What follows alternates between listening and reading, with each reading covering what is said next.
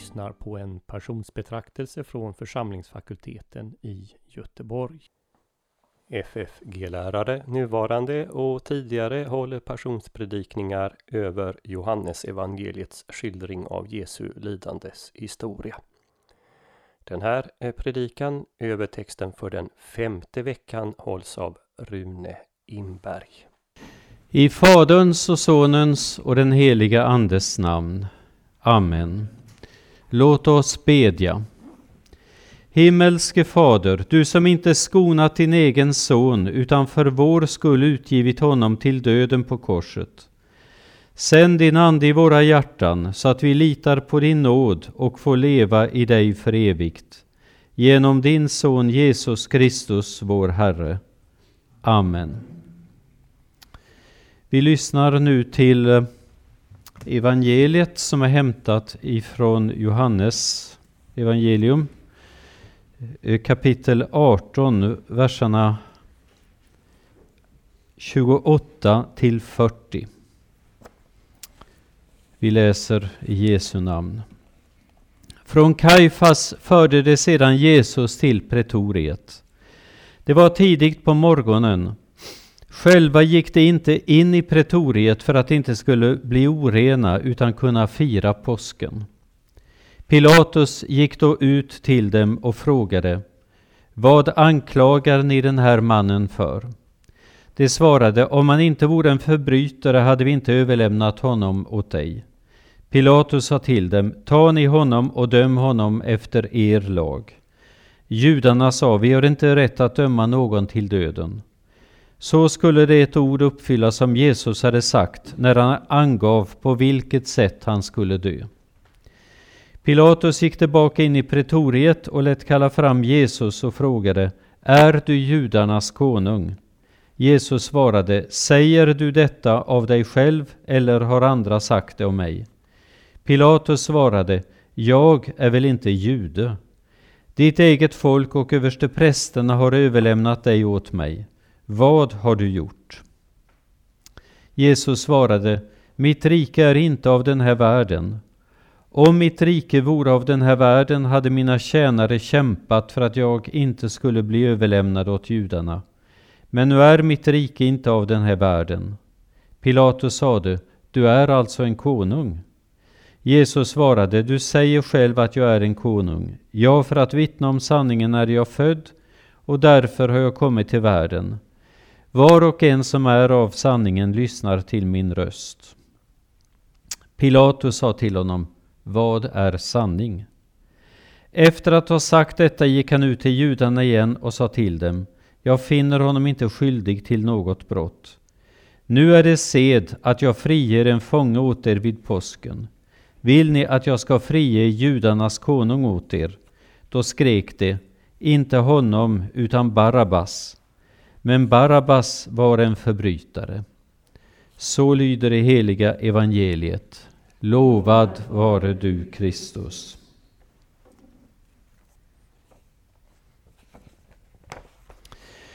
Vi har nu läst det femte avsnittet i Johannespassionen, alltså Johannes 18, 28-40.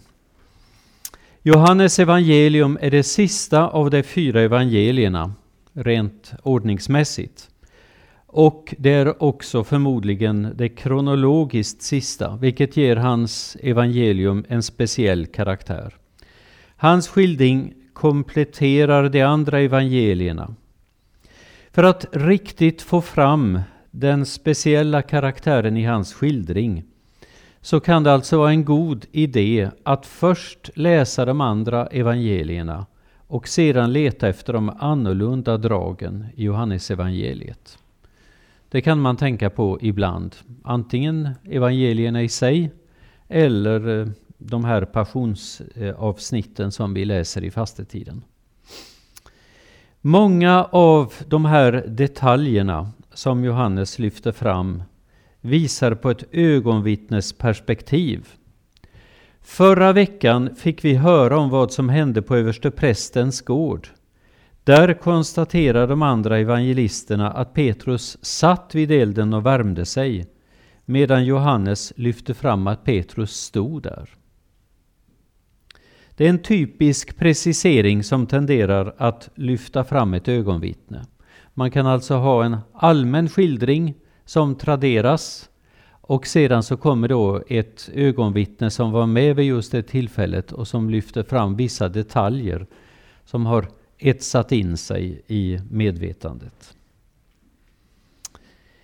Eh, och då kan vi känna att förmodligen är det så här att Petrus har suttit där vid elden men när frågan kom, det minns Johannes, då, då stod han upp.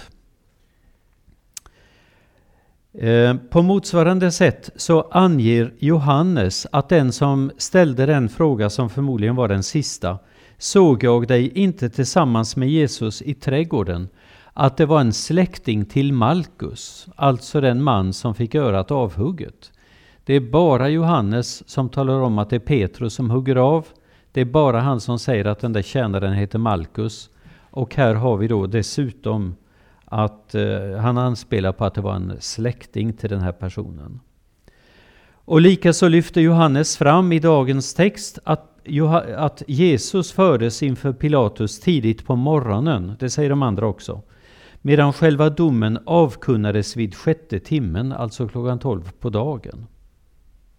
Så tänk på det att det kan ge väldigt mycket att sitta och jämföra och, och slå och bläddra fram och tillbaka. Tänk på det här när du läser Johannes evangeliet. Ofta lägger han in detaljer med en speciell betydelse i sin framställning. De ingår i en löpande skildring så det är inget märkligt på det sättet. Men många av de här detaljerna ger en extra dimension på texten.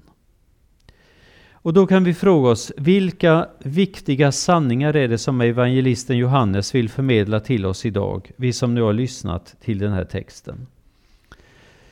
Vi ska börja utifrån och röra oss inåt, ungefär som om man tänker sig en tratt. Det vill säga vi börjar med några mer övergripande frågor och sedan kommer vi in på vissa viktiga detaljer.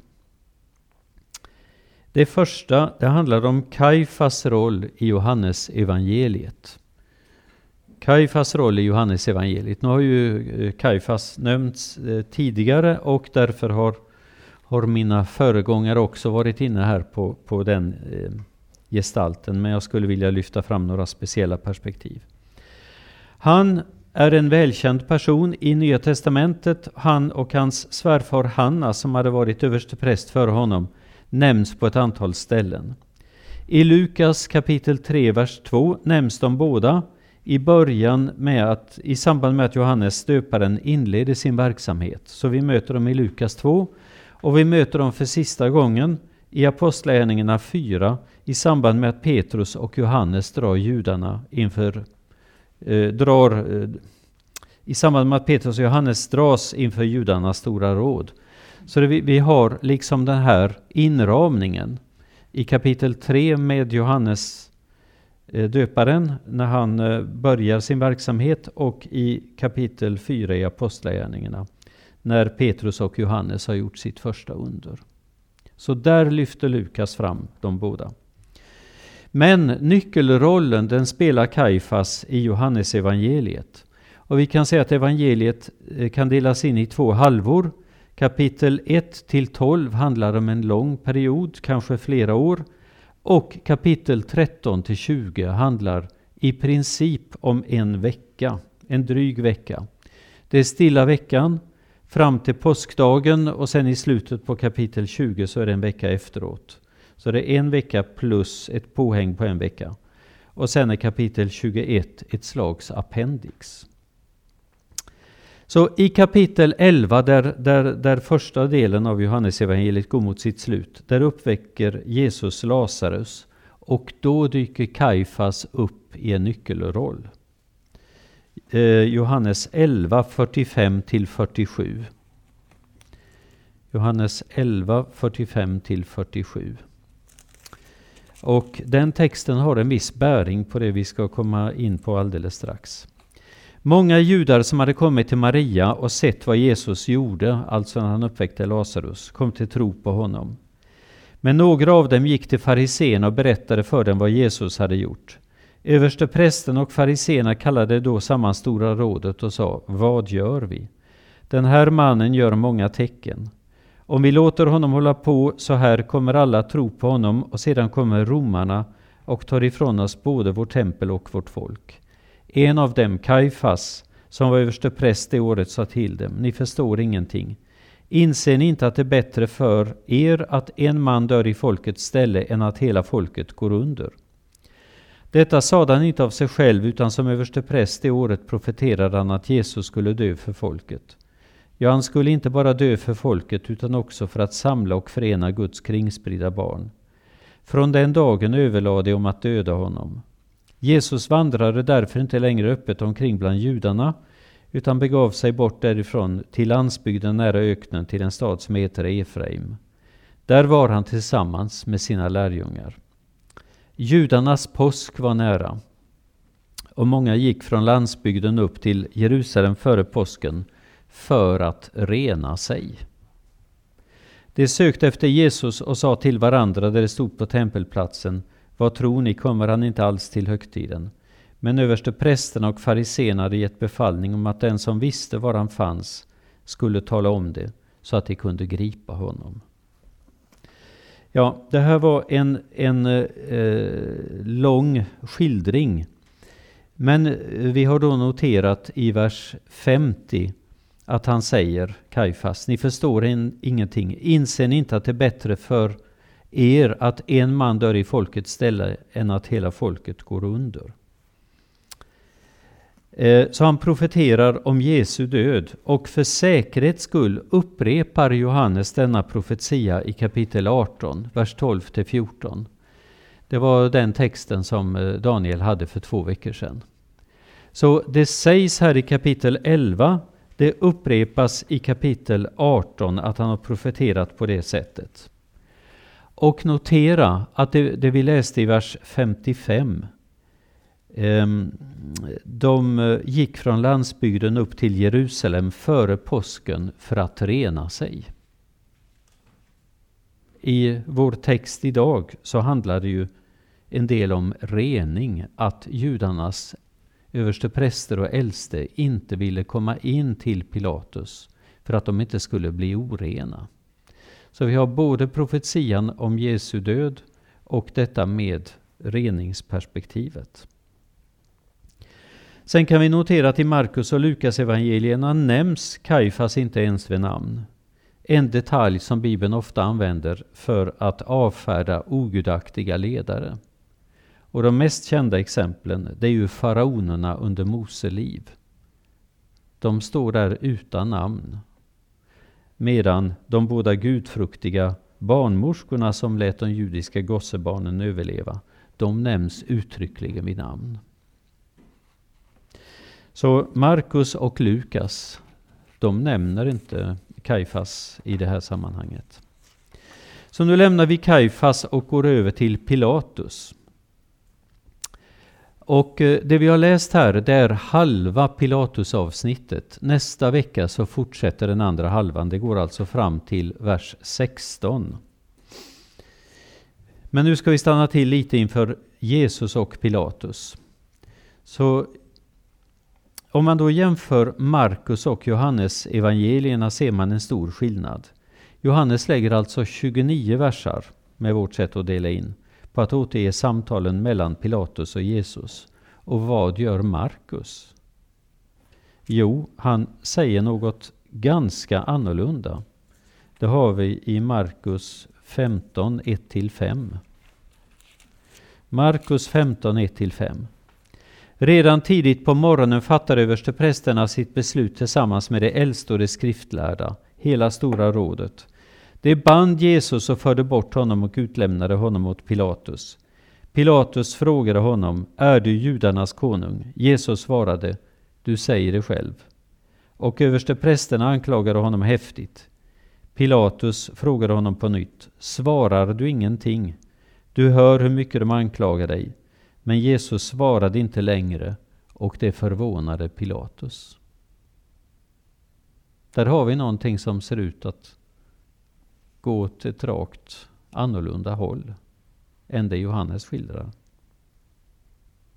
Säger evangelisten emot varandra? Nej, det är viktigt att läsa riktigt noggrant. Det Markus lyfter fram är att Jesus tiger när han anklagas av de judiska ledarna. Så vi har alltså en scen där de judiska ledarna har dragit dit Jesus och Pilatus kommer dit och de står och diskuterar. Och det är ett häftigt anklagande. Jesus säger bara du säger det själv och sen tiger han i övrigt. Medan det Johannes sen beskriver det är vad Pilatus och Jesus säger mera i enrum inne i pretoriet. Och dit ville översteprästerna inte komma in för att de inte ville bli orena.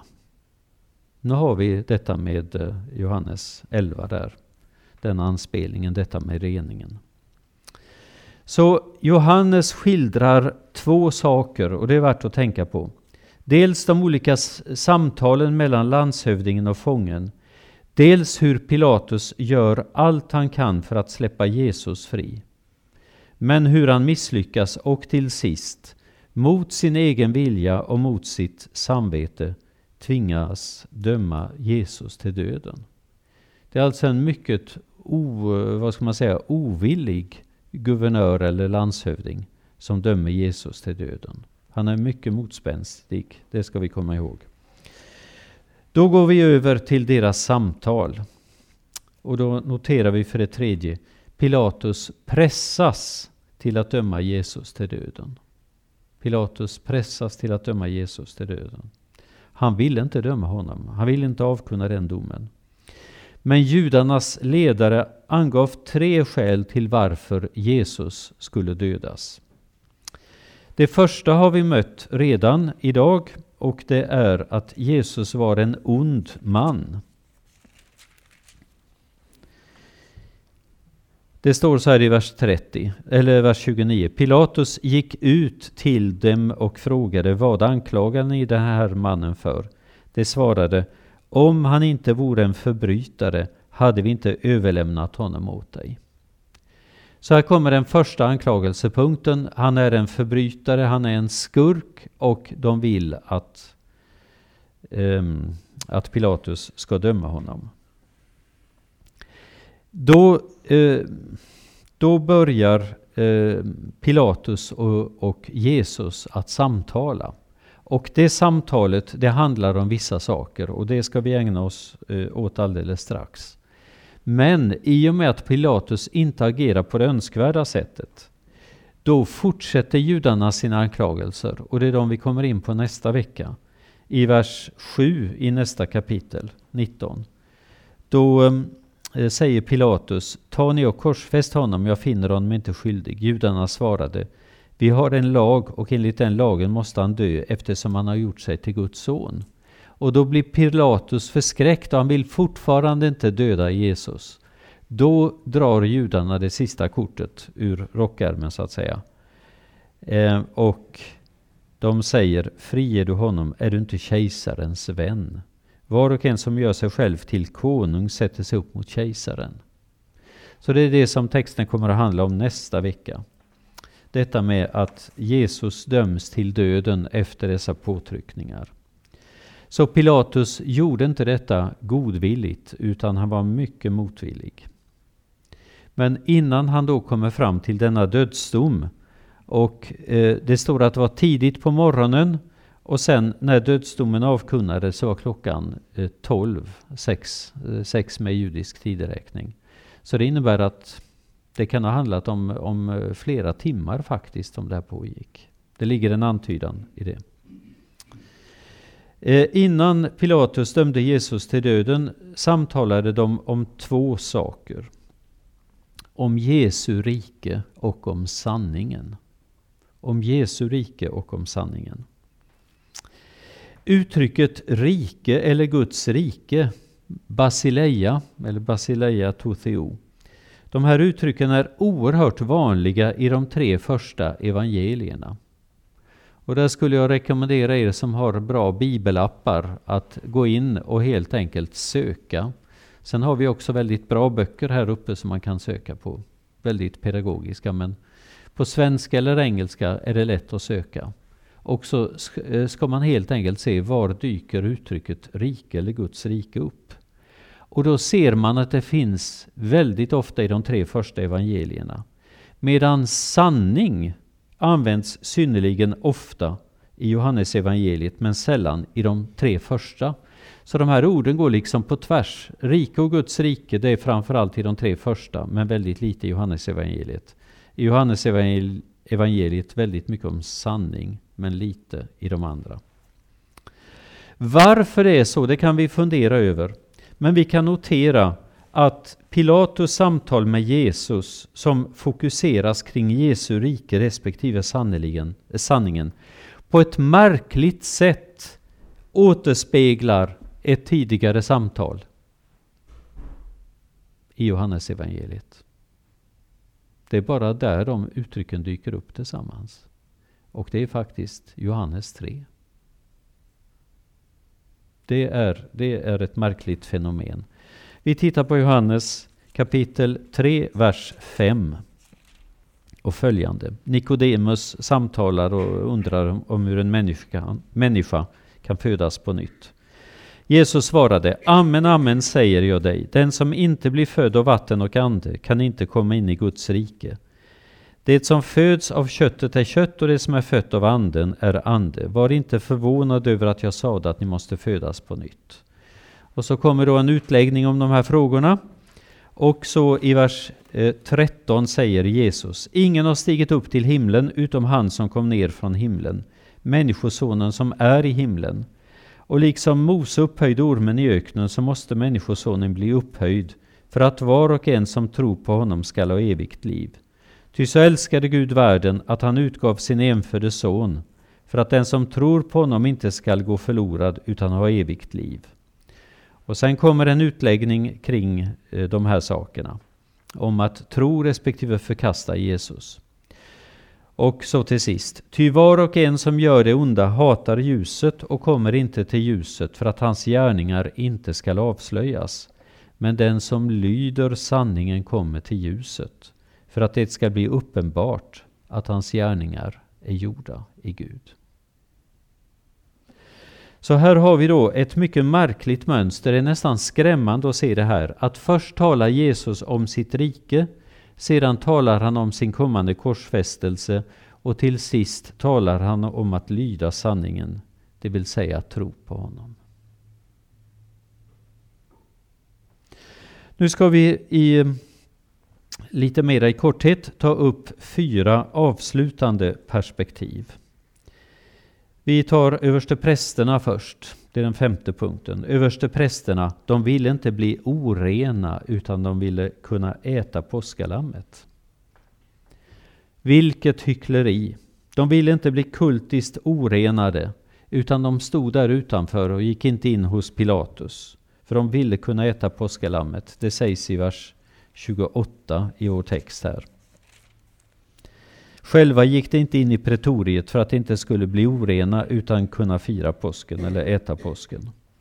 Och det märkliga var då att när de satt och åt påskalammet så var det möjligen ungefär samtidigt som Jesus stod på korset.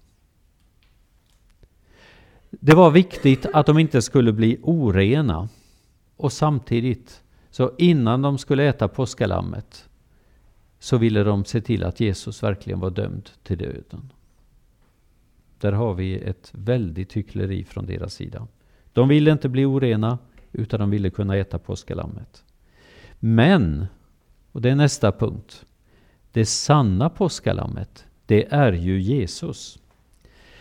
När Johannes döparen introducerar Jesus för världen, vilket han gör två gånger i Johannes 1, så gör han det med orden Se Guds lam som tar bort världens synd och andra gången Se Guds lam. Så det är en väldigt stark markering, inte bara att han säger det utan att han säger det två gånger. Och med denna beskrivning så, så ger Johannes liksom flera anspelningar, både bakåt och framåt. Bakåt, där handlar det om offerlammet som eh, beskrivs i tredje Mosebok 4 och det handlar om påskalammet i andra Mosebok 12. Så offerlammet och påskalammet. Och så tillbaka också på Herrens lidande tjänare i Jesaja 53. Samtidigt så pekar det fram emot lammet som nämns i Uppenbarelseboken kapitel 5 och som det sägs senare att, att det är slaktat från världens begynnelse. Så de vill, översteprästerna, de bryr sig om det där påskalammet som ska slaktas klockan tre på eftermiddagen. Medan framför sig har de honom som är lammet som liksom fångar upp tre olika teman ifrån Gamla Testamentet och som pekar fram emot den här stora himmelska visionen. Nästa punkt. Och det är att rövaren Barabbas blir frigiven. I vår text så gör eh, Pilatus det också att han, eh, att han försöker eh, rädda Jesus. Vill ni att jag ska frige judarnas konung åt er? Då skrek det inte honom utan Barabbas. Men Barabbas var en förbrytare. Och då har vi det märkliga, alltså att den syndfrie byts ut mot en rövare. Jesus döms till döden. Och vi, som egentligen förtjänar att dö. Det kan låta lite märkligt i dessa tider att tala om sådana saker, men om ni tänker efter skulle vi i oss själva kunna bestå inför Guds dom? Nej, det kan vi inte. Vi skulle inte uthärda denna helighet. Men vi, även om vi inte precis har varit rövare, vi som ändå skulle dö vid vårt möte med Gud, vi går fria. Och det innebär att helt plötsligt, så för att travestera ett uttryck som har varit ganska vanligt i vissa sammanhang, Barabbas, det är vi. Barabbas, rövaren, han går fri. Och han den oskyldige döms till döden. Då kommer vi till den sista saken och det är detta med Pilatus utmaning. Det är en hånfull eller cynisk fråga. Om en vecka så möter vi fortsättningen, vilket innebär att Pilatus pressas till att döma Jesus till döden. Men när vi lämnar honom idag så hänger frågan i luften. Vad är sanning? Tänk, han hade en timme eller två ensam tillsammans med Jesus och hur använde han detta tillfälle?